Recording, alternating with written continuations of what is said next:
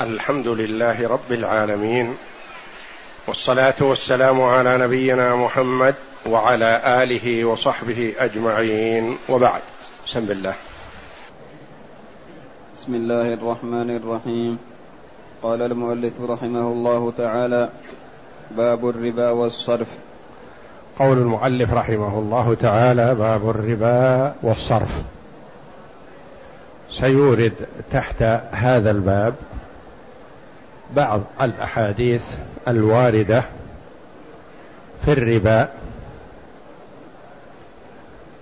والصرف. والربا كما تقدم لنا لغة الزيادة.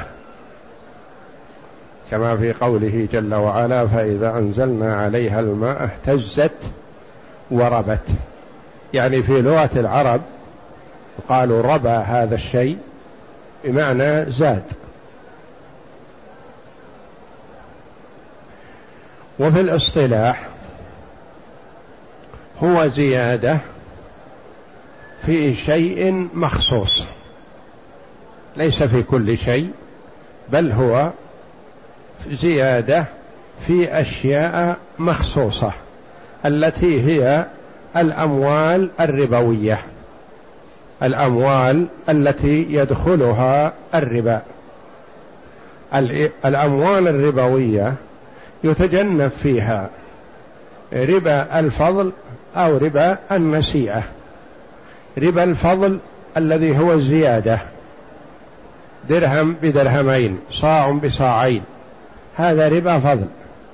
ربا النسيئه شيء مقدم وشيء مؤخر. وإن تساويا مثلا يبيع عليه صاعا ردي بصاع جيد مؤجل. كان يكون المرء في حاجة إلى طعام إلى تمر مثلا فيأخذ من صاحبه صاعا من التمر متوسط الحال أو ردي. بصاع مؤجل يعني ما في زيادة لكن فيه أجل. فهذا يسمى ربا نسيئة. ربا فضل وربا نسيئة. والإجماع ممن يعتد بقوله على تحريم الربا. فقد ورد تحريمه في الكتاب والسنة وإجماع علماء المسلمين. في الكتاب العزيز قوله جل وعلا وأحل الله البيع وحرم الربا. يا أيها الذين آمنوا اتقوا الله وذروا ما بقي من الربا إن كنتم مؤمنين. إن كنتم مؤمنين فذروه. فدل على أن ترك الربا شرط لصحة الإيمان. فمن لم يترك الربا ففي إيمانه شك. والسنة الأحاديث التي سترد في التحذير منه. وهي قوله صلى الله عليه وسلم لعن الله أكل الربا وموكله وشاهديه وكاتبه. كل الخمسة ملعونون على لسان محمد صلى الله عليه وسلم. و الإجماع من علماء المسلمين على أن الربا محرم. الربا والصرف العنوان. الربا عرفناه لغة واصطلاحا. والصرف في اللغة التصريف وهو التحريك والتصويت. صرف صار له صوت كما ورد في الحديث أن النبي صلى الله عليه وسلم لما عرج به إلى السماوات العلى صعد حتى سمع صريف الأقلام والتصريف التصويت لأنه غالبا من أراد يصرف ذهب في فضة يكون لها حركة ولها صوت. هذا لغة. واصطلاحا هو مبادلة عملة بعملة. نقد بنقد. ذهب بذهب أو فضة بفضة أو ذهب بفضة أو فضة بذهب. هذا هو الصرف. يعني يصرف هذا النقد بنقد آخر. الربا والصرف. نعم. الحديث. الحديث السبعون بعد المئتين. عن عمر بن الخطاب رضي الله عنه قال قال رسول الله صلى الله عليه وسلم الذهب بالذهب ربا إلا هاء وهاء والفضة بالفضة ربا إلا هاء وهاء والبر بالبر ربا إلا هاء وهاء والشعير بالشعير ربا إلا هاء وهاء. هذا الحديث يروى عن عمر بن الخطاب رضي الله عنه وهو في الصحيحين. وله قصة وهو أنه سمع اثنين يريدان الصرف. شخص يريد أن يصرف عند طلحة ابن عبيد الله رضي الله عنه أحد العشرة المبشرين بالجنة. فاتفقا على الصرف فقال طلحة حتى يحضر خازني في الغابة. أخذ النقد الذي مع صاحبه وقال حتى يحضر خازني يعني أمين الصندوق من عنده الدراهم في الغابة خارج المدينة. يقول أنا آخذ منك الآن وأعطيك إذا حضر خازني. وكان عمر رضي الله عنه يسمع وكان الصحابة رضي الله عنهم لا يقرون أحدا على المنكر. سواء كان عالما أو جاهلا ينبهونه. فقال عمر رضي الله عنه لطلحة ومن معه سمعت رسول الله صلى الله عليه وسلم يقول الذهب بالفضة ربا إلا هاء وهاء الذهب بالفضة أو الذهب بالورق. والفضة بالفضة ربا إلا هاء وهاء يعني هاء وهاء يعني يدا بيد. نقدا بنقد يعني تأخذ وتعطي. ما يصلح أن تصرف وتقول أعطني الجنيهات أو أعطني الدولارات أو أعطني الريالات وأعطيك العوض غدا مثلا. أعطيك الجنيهات التي عندي لأنها في الصندوق ومفتاح الصندوق مع فلان يحضر غدا مثلا. أعطيك إياها غدا؟ لا. لابد يدا بيد حاضر بحاضر ما يصلح التعجيل. يعني سواء كان الصرف بذهب بفضة أو ذهب بذهب أو فضة بفضة أو بيع ربوي شعير بشعير أو شعير بحنطة أو تمر ببر أو بر بتمر.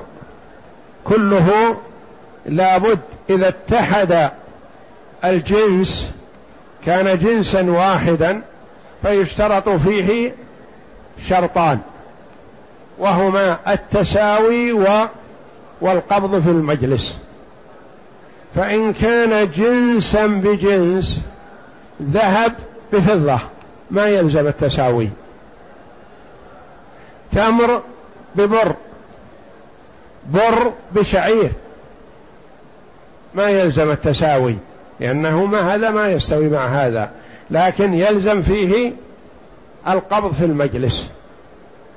باع صاع بر بصاع بر. يلزم أن يكون يدا بيد ومستويان.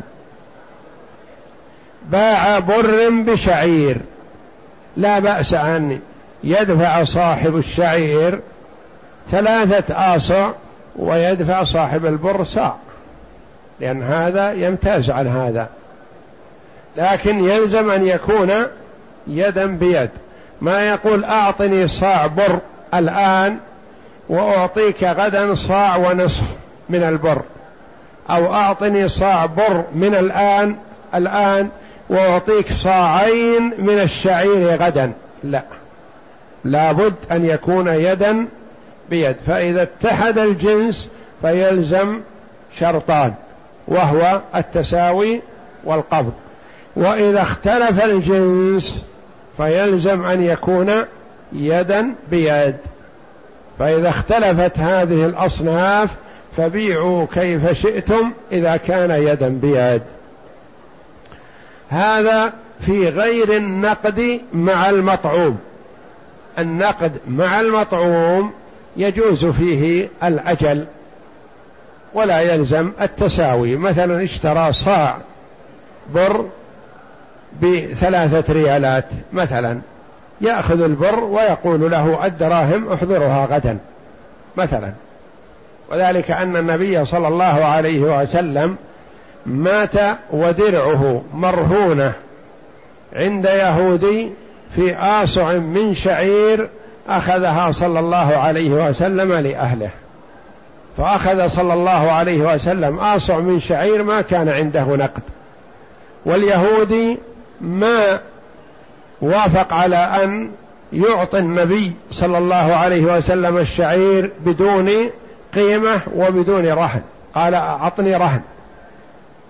والنبي صلى الله عليه وسلم تعامل مع اليهود لبيان الجواز وإلا فالصحابة رضي الله عنهم يسارعون في إعطاء النبي صلى الله عليه وسلم ما يريده لكن الرسول يشرع للأمة مع وجود من ممكن أن يشتري منه وبدون رهن اشترى من اليهودي آصع من الشعير ورهنه عليه الصلاة والسلام درعة لأنه ما كان عنده نقد. وتوفي عليه الصلاة والسلام ودرعه مرهونة عند اليهودي بقيمة آصع من شعير. سددها أبو بكر رضي الله عنه وأرضاه بعد وفاة النبي صلى الله عليه وسلم.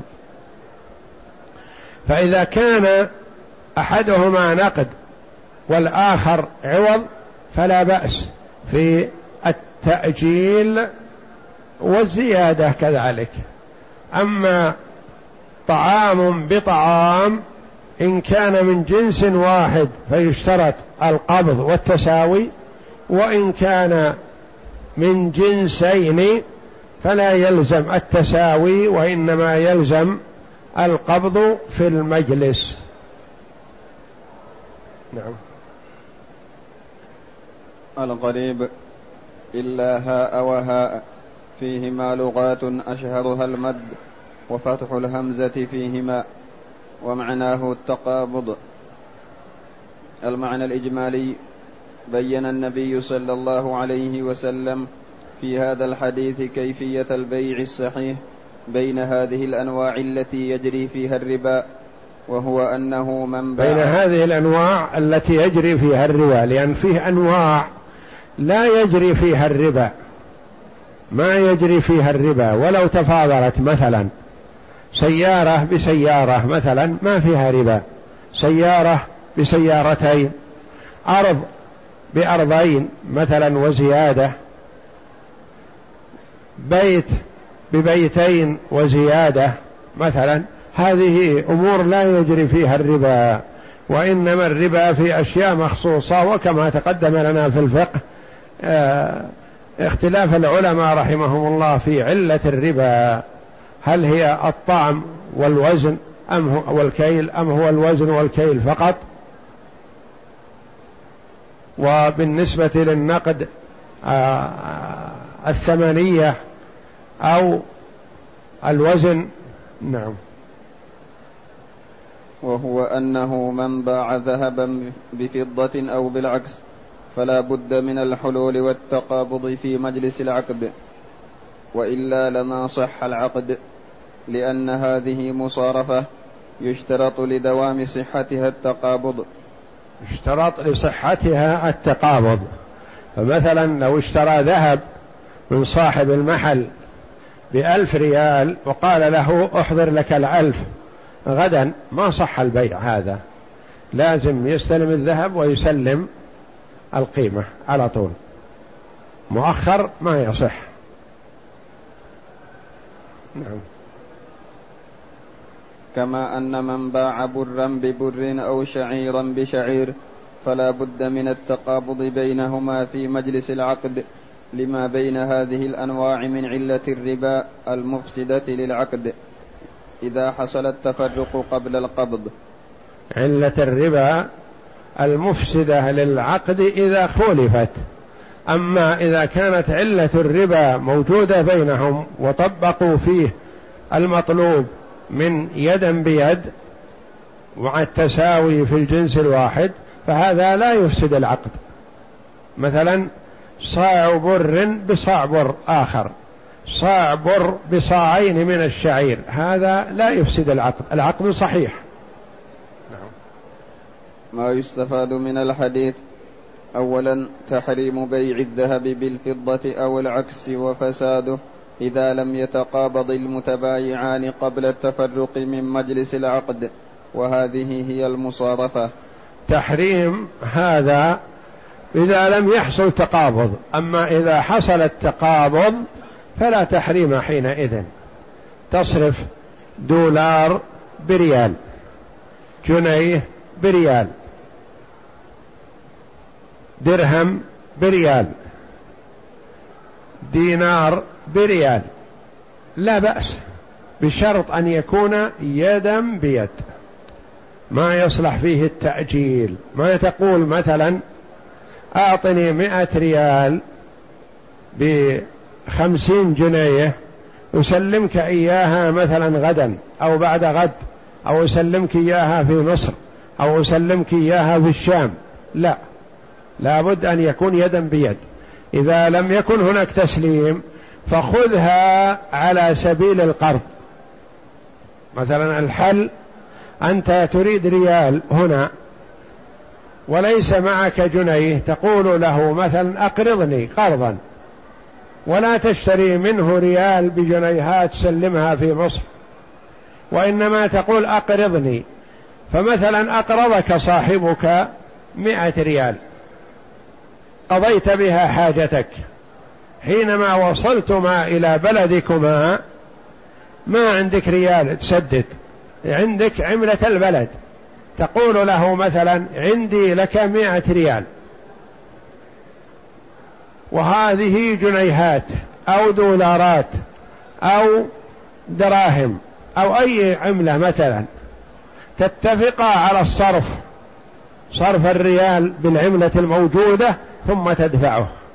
هذا يصح. يعني تتصارفان شيء بالذمة وشيء باليد. ذمة بذمة ما يصح. يعني دين بدين ما يصح. تقبض مثلا والتسليم بعد هذا ما يصح. إلا على سبيل القرض. على سبيل القرض. تقول أنا في حاجة إلى مائة ريال يا أخي يعطيك مائة ريال قرضا. فإذا ذهبتما إلى بلادكما مثلا قلت له عندي لك مائة ريال وأنت الآن في هذه البلاد ما تريد ريال. كم نقدر مائة ريال بعملة البلد؟ جنيه أو درهم أو دينار أو نحو ذلك. تتفقا على السعر ثم تدفع له عملة البلد. الذي أنتم فيه. لا حرج في هذا. نعم. ثانيا تحريم بيع البر بالبر أو الشعير بالشعير. وفساده. وفساده إذا لم يتقابض المتبايعان قبل التفرق من مجلس العقد. يعني تحريم بيع البر بالبر لا مطلقا يجوز لكن يحرم إذا لم يحصل تقابض. إذا قلت له مثلا أعطني صاع بر أو أعطني صاع من الأرز أو أعطني صاع من الذرة وأعطيك صاعا أو صاع ونصف بعد شهر. هذا حرام. إذا كان بر ببر أو بر بذرة أو ذرة بشعير لابد من القبض في المجلس بخلاف ما إذا اشتريت منه صاع من البر بثلاثة ريالات مثلا تدفعها غدا أو بعد غد لا حرج في هذا لأن هذا نقد. أما ربوي بربوي غير النقد فيشترط فيه القبض في المجلس. ثالثا صحة العقد إذا حصل القبض في المصارفة أو بيع البر بالبر أو الشعير بالشعير في مجلس العقد. صحة العقد. أولا بين تحريم العقد إذا اختلف. أما إذا كان يدا بيد فالعقد حينئذ صحيح. إذا اختلفت هذه الأجناس فبيعوا كيف شئتم إذا كان يدا. بيد. رابعا يراد بمجلس العقد مكان التبايع سواء أكانا جالسين أم ماشيين أم راكبين ويراد بالتفرق ما يعد تفرقا عرفا بين الناس. يراد بمجلس العقد مثلا مكان التبايع. تبايعا وهما في السيارة هذا مجلس العقد. تبايعا وهما في الطائرة هذا مجلس العقد. تبايعا وهما في السوق. هذا مجلس العقد. تبايعا وهما يمشيان. ما في جلوس. هذا مجلس العقد. تبايعا وهما مستلقيان في مكان ما. هذا مجلس العقد. فمجلس العقد ما هو؟ ليس شرط أن يكون في الدكان أو في المؤسسة أو في المحل أو في البقالة. مجلس العقد هو المكان الذي يحصل فيه التبايع ولو في الطائرة. تبايعا وهما في الطائرة يلزم أن يكون التسليم مثلا يكون يدا بيد. دراهم مثلا بجنيهات دراهم مثلا بدولارات وهكذا يكون يدا بيد في مجلس العقد. ما يقول نبرم العقد الآن فإذا نزلت الطائرة سدت. أعطني اللي معك وأنا أسلمك إذا وصلت إلى المحل. لا.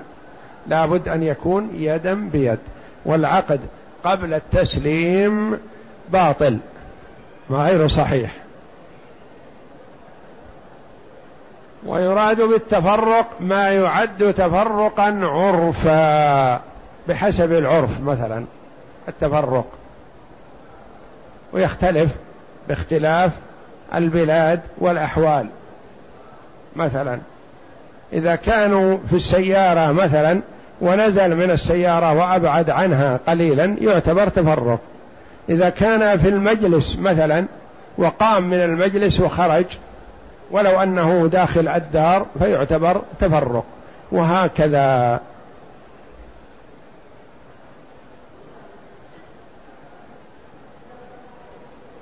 وستأتي إن شاء الله بقية الأحاديث الواردة في الربا والصرف. والله أعلم. وصلى الله وسلم وبارك على عبده ورسول نبينا محمد وعلى آله وصحبه أجمعين.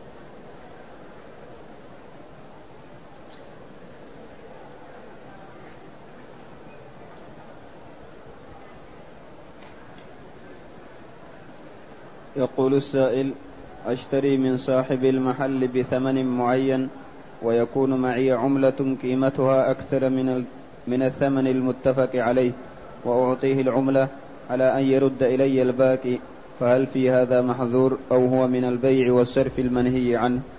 إذا اشتريت شيئا ما ولو كان مما يجري فيه الربا بقيمة وكان معك من العملة قيمة أكثر.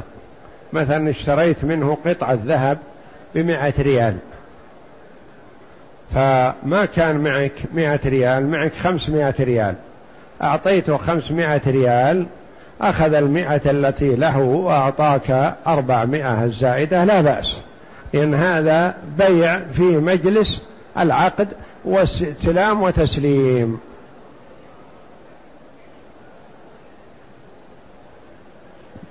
يقول هل يجوز أن أشتري من التاجر ذهبا بقيمة مؤجلة لمدة سنة أو شهر مثلا وذلك بالعملة الورقية الموجودة حاليا؟ لا ما يجوز أن تشتري ذهب بفضة بدراهم مثلا أو تشتري دراهم بذهب في مدة مؤجلة لا. لأن الذهب بالفضة يلزم القبض في المجلس. ولا يجوز التأجيل. يعني ما يجوز أن تشتري دولارات بريالات تسلم أحدها بعد فترة. لا. الصرف يلزم فيه القبض في المجلس. إن حصل القبض في المجلس فالصرف صحيح. ما حصل فهو غلط ولا يجوز ومحرم. مثلا أن تشتري منه جنيه. جنيه مثلا معروف. قيمته مثلا ثلاثمائة ريال. فأنت اشتريته منه مثلا بثلاثمائة وخمسين ريال على أن يكون التسليم بعد ستة أشهر أو أقل أو أكثر. هذا محرم ولا يجوز لأن ذهب بفضة حتى وإن كان بالورق ما يجوز إلا يدا بيد لأن الورق تمثل ما هي عوضا عنه وبدلا عنه. والمقصود الورقة هذه ما تساوي شيء. لكنها هي هذه الورقة مثلا فيها خمسمائة ريال. معروف فيها قيمتها قيمتها خمسمائة ريال. فهي لكونها تمثل خمسمائة ريال ساوت وإلا بكونها ورقة هكذا ما لها قيمة. لكن للرصيد المرصود لها صارت تساوي خمسمائة ريال. فالدولارات مثلا تجد هذا دولار مئة دولار وهذا دولار واحد ويمكن حجم الورقة واحد لكن لكون هذا يمثل خمسمائة مئة دولار وهذا يمثل دولار واحد. مثل مثلا الريال وخمسمائة ريال ومائة الريال وخمسين الريال وهكذا بحسب ما تمثله. فلا يجوز أن تبيع مثلا ريال سعودي ورق بدولار أمريكي أو جنيه مصري أو درهم أو دينار أو غيره مؤجل بعضه ببعض. يجوز التفاضل فيه مثلا لكن يحرم التأجيل.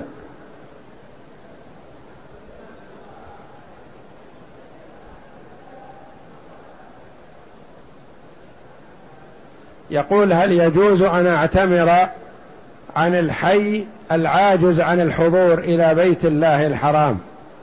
فلدي جد وجدة عاجزان تماما فهل أستطيع أن أعتمر عنهما؟ نقول الميت تعتمر عنه متى شئت والحي تعتمر عنه لكن بشرط أن يكون غير قادر على الوصول إلى مكة ويعلم عن إحرامك قبل أن تحرم لأن هذا من أعمال القرب التي اشترط فيها النية.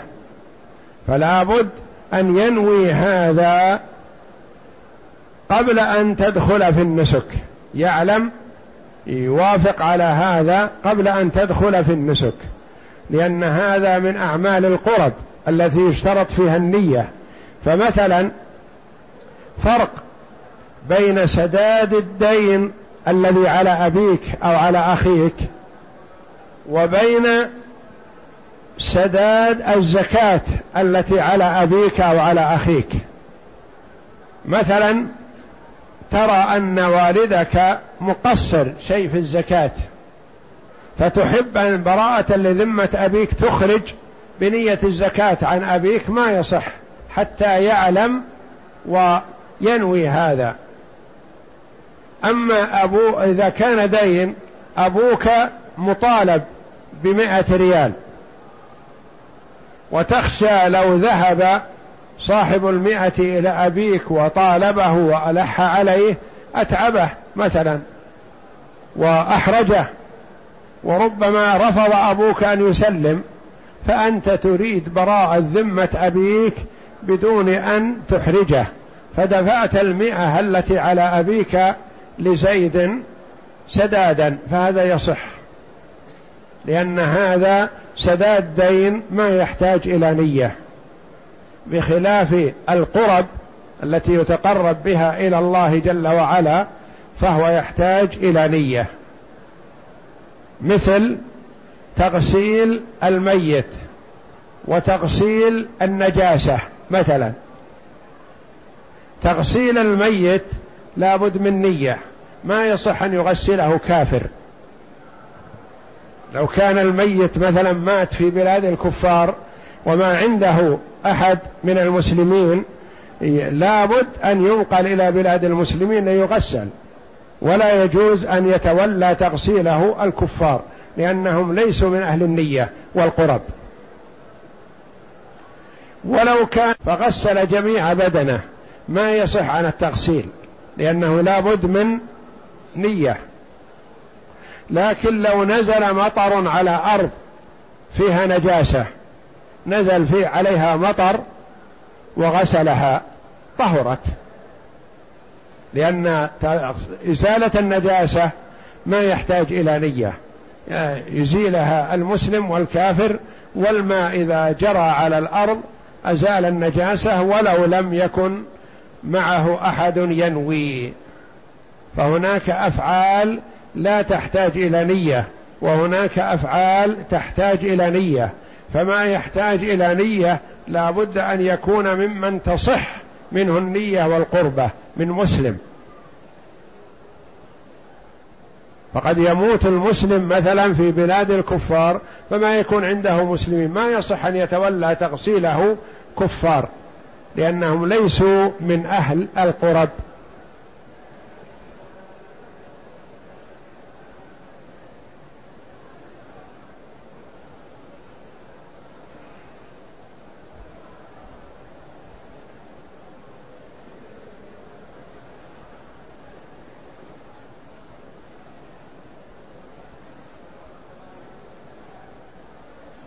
يقول رجل قال لزوجته في حالة شجار وخصام وخصام بينهما بعد أن شتمته يا فاجرة فما حكم قوله هل يعتبر قذفا أم لا؟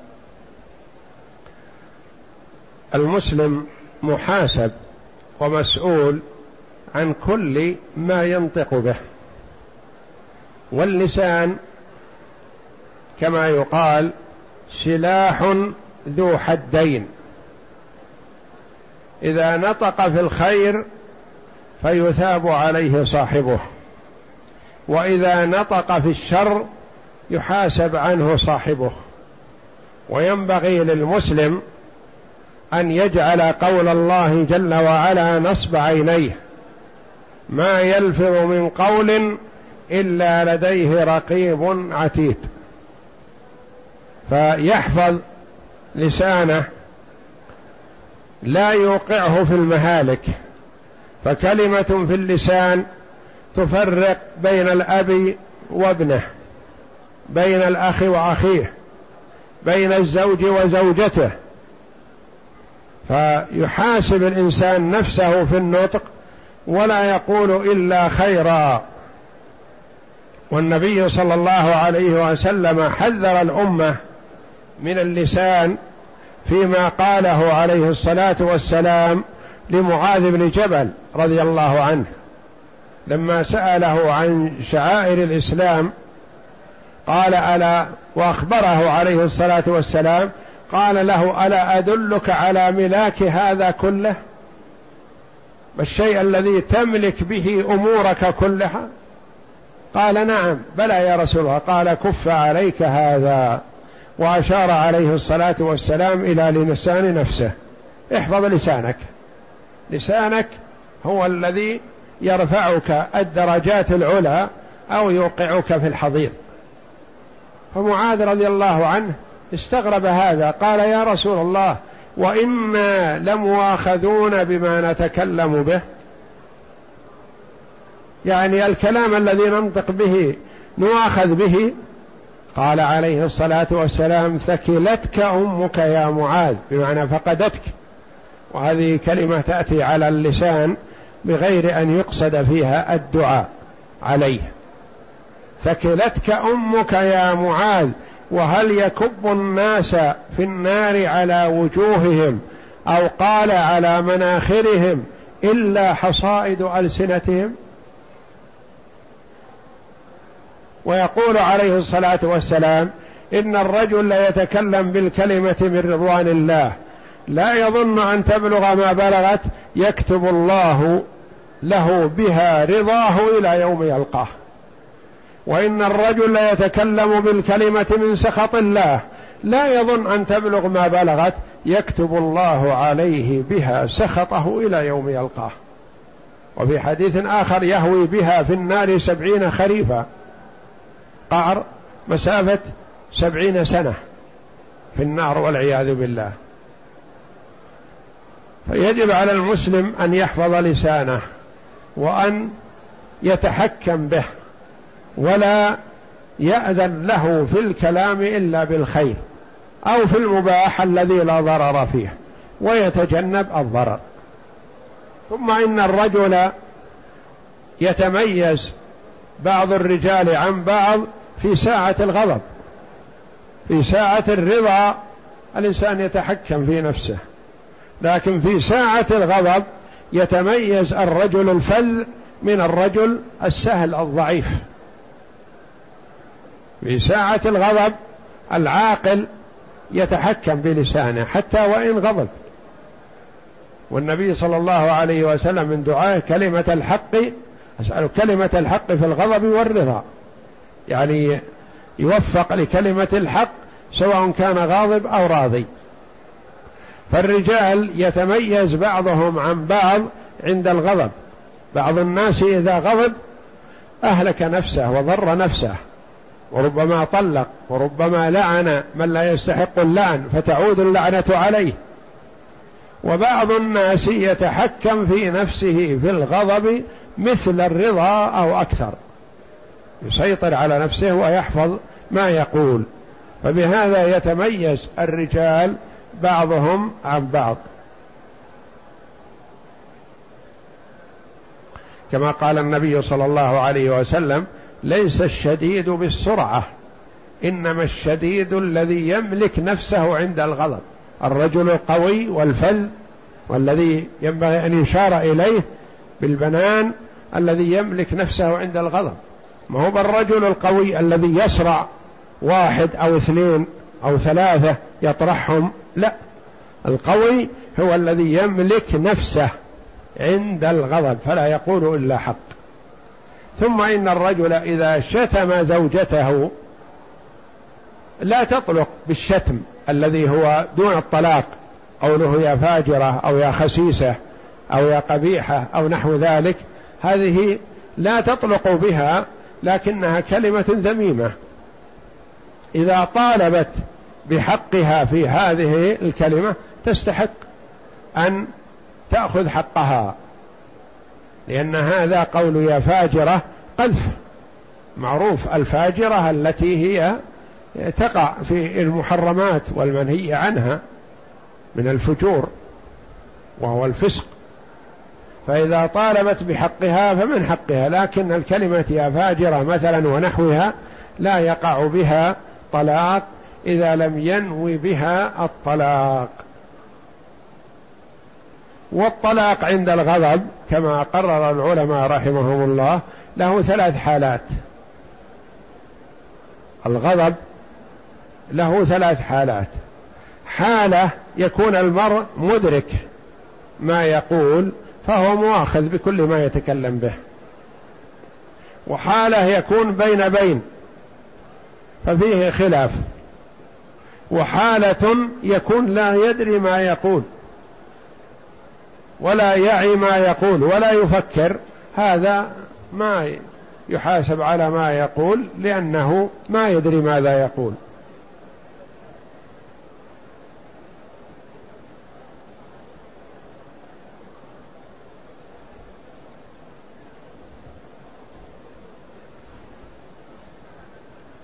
يقول ما حكم الحوالات؟ مثلا أعطيت المحول ريالات السعودية من أجل تحويلها إلى بلد أخرى بعملة البلد الأخرى أو بسعودي حيث أن الحوالات لا يتم استلامها يدا بيد. قرر بعض العلماء رحمهم الله أن التحويل يقوم مقام النقد يدا بيد لأنه إذا كان دفعت المبلغ على أساس أنه يستلم من هناك فلا بأس بهذا لأن هذا يقوم مقام النقد. وبالوسائل الحديثة ممكن أن يستلم من المحل الآخر في أقصى الدنيا وأنت لا تزال عند صاحب المحل. فاعتبره العلماء رحمهم الله أنه من نوع يدا بيد.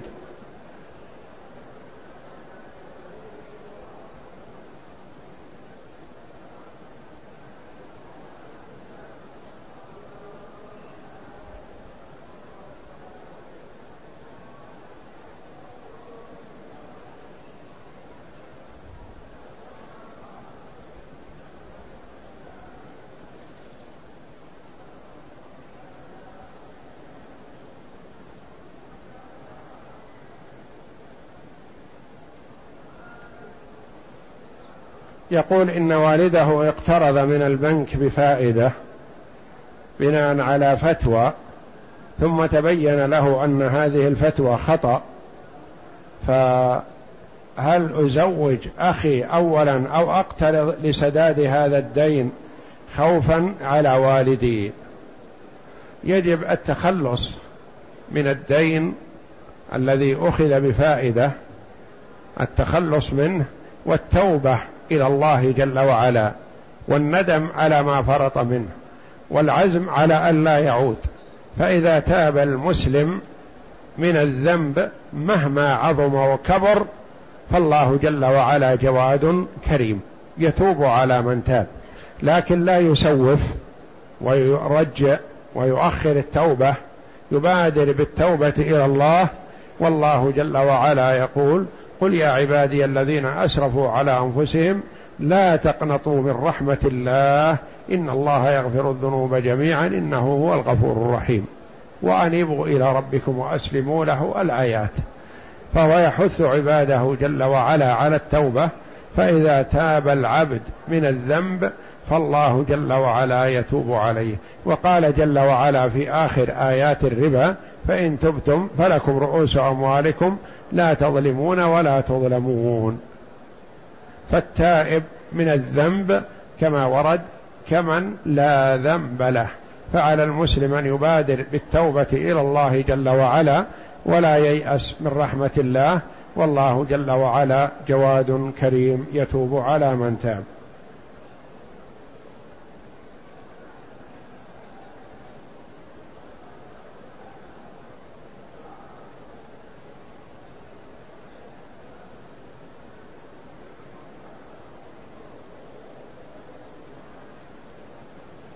يقول عندنا في البلاد نقوم بتبديل جمل كبير بجمل صغير بزيادة المال على الصغير أو خروف بتيس بزيادة على أحدهما فهل هذا يعتبر ربا؟ لا لا يدخله الربا. حيوان بحيوان حي ما يدخله الربا. بخلاف لحم بلحم فهذا يدخله الربا.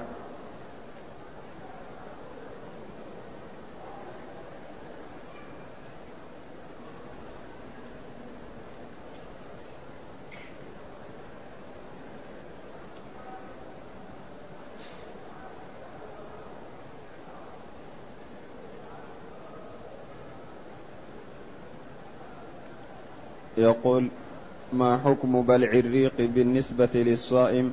هل يفسد الصوم؟ علما بأنه يتجمع تلكائيا في الفم باستمرار وخاصة في الصلاة. بلع الريق لا يفطر الصائم ويكره جمع الريق وبلعه. والأولى للإنسان أن لا يهتم بريقه أو يتابعه أو يحبسه. لأنه إذا حبسه تجمع. يكون كما لو كان غير صائم. موضوع الريق. موضوع الريق يتركه على حاله كما لو كان غير صائم.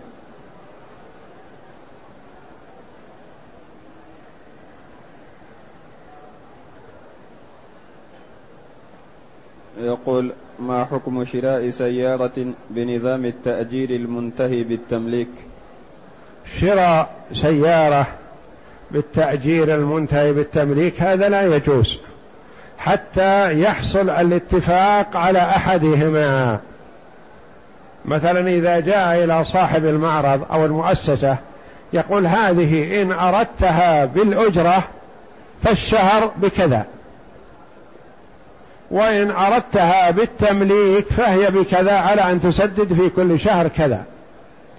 ما يصح أن يتفرق على هذا القول حتى يتفق على أحدهما. أما أن يقال هذه بكذا تسدد شهريا كذا إن كملت الأقساط كاملة تملكت السيارة وإلا فالأقساط التي تسلمها أجرة وتعود السيارة للمؤسسة. هذا لا يجوز لأن هذا في جهالة وفي غرر ولم يتفق على شيء معين. وقد يسدد قيمة السيارة إلا القسط الأخير مثلا يعجز عنه فيأخذون السيارة منه. بل لابد أن يتفقا على تأجير أو بيع بالأقساط.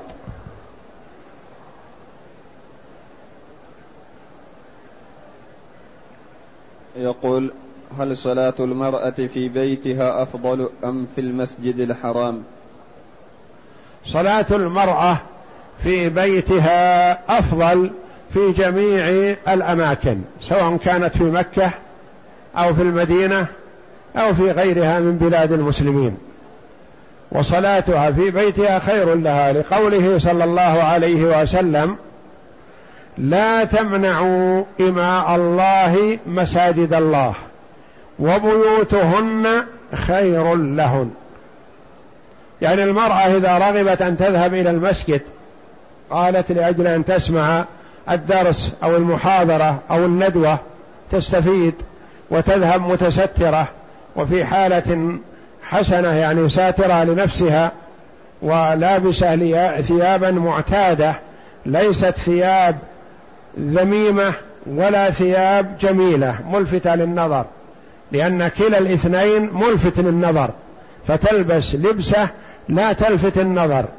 هذه لا ينبغي أن تمنع من الذهاب ما دامت تريد الخير. لا تمنعوا إماء الله مساجد الله وبيوتهن خير لهن. لو صلت في بيتها أفضل. إذا صلت في بيتها مثلا في المسجد الحرام إذا صلت في بيتها أفضل وتأتي للطواف في أوقات لا يكثر فيه الرجال مثلا. فهذا خير لها وأفضل. لكن إذا رغبت المجيء إلى المسجد إن كانت في حالة غير ملفتة للنظر فالأولى ألا تمنع ولا ينبغي منعها. أما إذا كانت في حالة ملفتة للنظر فعلى وليها من أب أو زوج أو أخ أو عم أو خال يمنعها. يمنعها من الإتيان إلى المسجد. تقول عائشة رضي الله عنها في آخر عهد عصر الصحابة لو رأى النبي صلى الله عليه وسلم ما صنع النساء لمنعهن المسجد. لو رأى ما صنع النساء هذا في عصر الصحابة لمنعهن المسجد. فلا يجوز للمرأة أن تأتي بثياب زينة أو مظهرة لمحاسنها أو مظهرة لشيء من جسدها بل تستر جميع بدنها وتكون ثيابها ثيابا عادية غير ملفتة للنظر لا لجمالها ولا لقبحها لأنها قد تكون رديئة مثلا. فلا يجوز للمسلم أن تأتي لهذا المسجد للمسجد أو للمسجد الحرام أو غيره بثياب رديئة لأن الأنظار تتبعها. ولا بثياب جميلة وحسنة ملفتة للنظر لجمالها لأن الأنظار تتبعها وإنما تأتي بثياب عادية غير ملفتة للنظر. لقوله صلى الله عليه وسلم لا تمنعوا إماء الله مساجد الله وبيوتهن خير لهن وليخرجن تفلات. في رواية وليخرجن تفلات. يعني في ثياب عادية. ثياب غير ملفتة للنظر.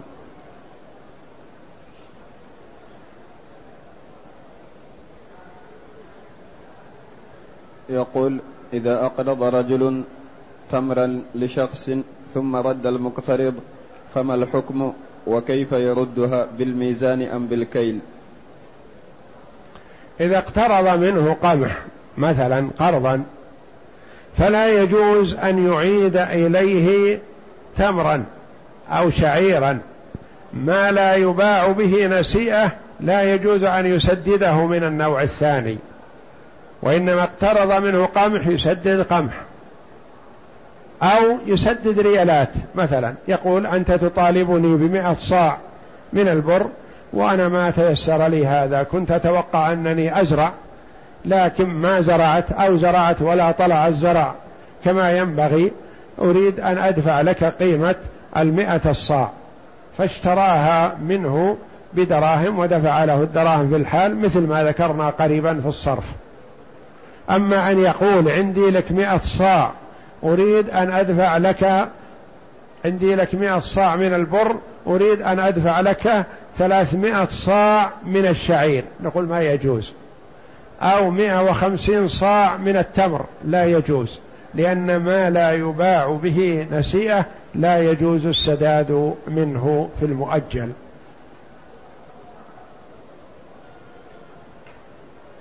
يقول هل القمح والبر نوع واحد أم نوعان؟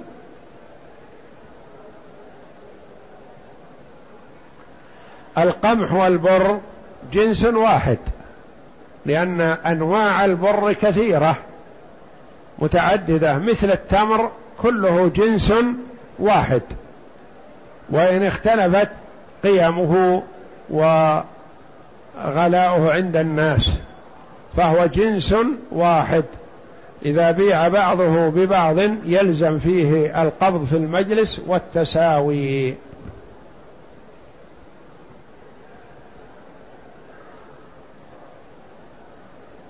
يقول رجل طلق امرأته وهي حامل ثم راجعها في العدة فماذا عليه علما أنه لم يشهد على الرجعة؟ إذا طلقها وهي حامل فهي لا تزال في عدتها حتى تضع الحمل. فإذا راجعها وكان الطلاق طلقة واحدة أو طلقتان فله أن يراجعها ما دامت في العدة. والعدة تتفاوت. قد تكون العدة ربع ساعة وقد لا يكون للمرأة عدة وقد تكون ربع ساعة وقد تكون العدة سنة. فالطلاق الرجعي إذا راجع وهي في العدة صح ولو بدون رضا الزوجة لكن عليه أن يشهد خشية أن يتكرر الطلاق ثم يقع في طلاق ثلاث مثلا يكمل ثم يراجع بعد هذا وهو لا يصح الرجعة. لأنه إذا طلقها ثلاثا فلا تحل له حتى تنكح زوجا غيره. والعدة قد تكون ربع ساعة مثلا طلقها وهي حامل ثم وضعت الحمل بعد عشر دقائق خرجت من العدة. وقد ورد أن الزبير رضي الله عنه مسكته زوجته وهو يريد الصلاة تطالبه بالطلاق فطلقها ليتخلص ويذهب ليصلي. فلما رجع من المسجد يريد مراجعتها وإذا هي قد وضعت وأصبحت يصح أن تكون في ذمة رجل آخر. إذا وضعت خرجت من العدة. وإذا طلقها قبل الدخول والخلوة فليس هناك رجعة ولا عدة. يعني ليس هناك رجعة بدون خيارها لأنه لا عدة لها وإنما يعقد عليها. إذا طلقها قبل الدخول والخلوة فليس لها عدة لكن يصح أن يعقد عليها.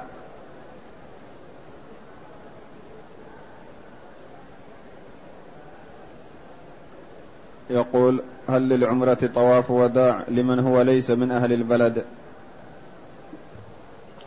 طواف الوداع محل خلاف رحمهم الله عند العلماء للعمرة. بعض العلماء يرى أن طواف الوداع يجب للعمرة كما يجب في الحج. وبعض العلماء يرى أن طواف الوداع واجب في الحج وليس بواجب في العمرة. وعند الجميع فيما أعلم أنه ليس فيه هدي, في ترك طواف الوداع في العمرة. بينما هو إذا ترك طواف الوداع في الحج فعليه هدي. وطواف الوداع عبادة وقربة لله جل وعلا فيحسن من المعتمر أن يحافظ عليه ولا يتساهل فيه.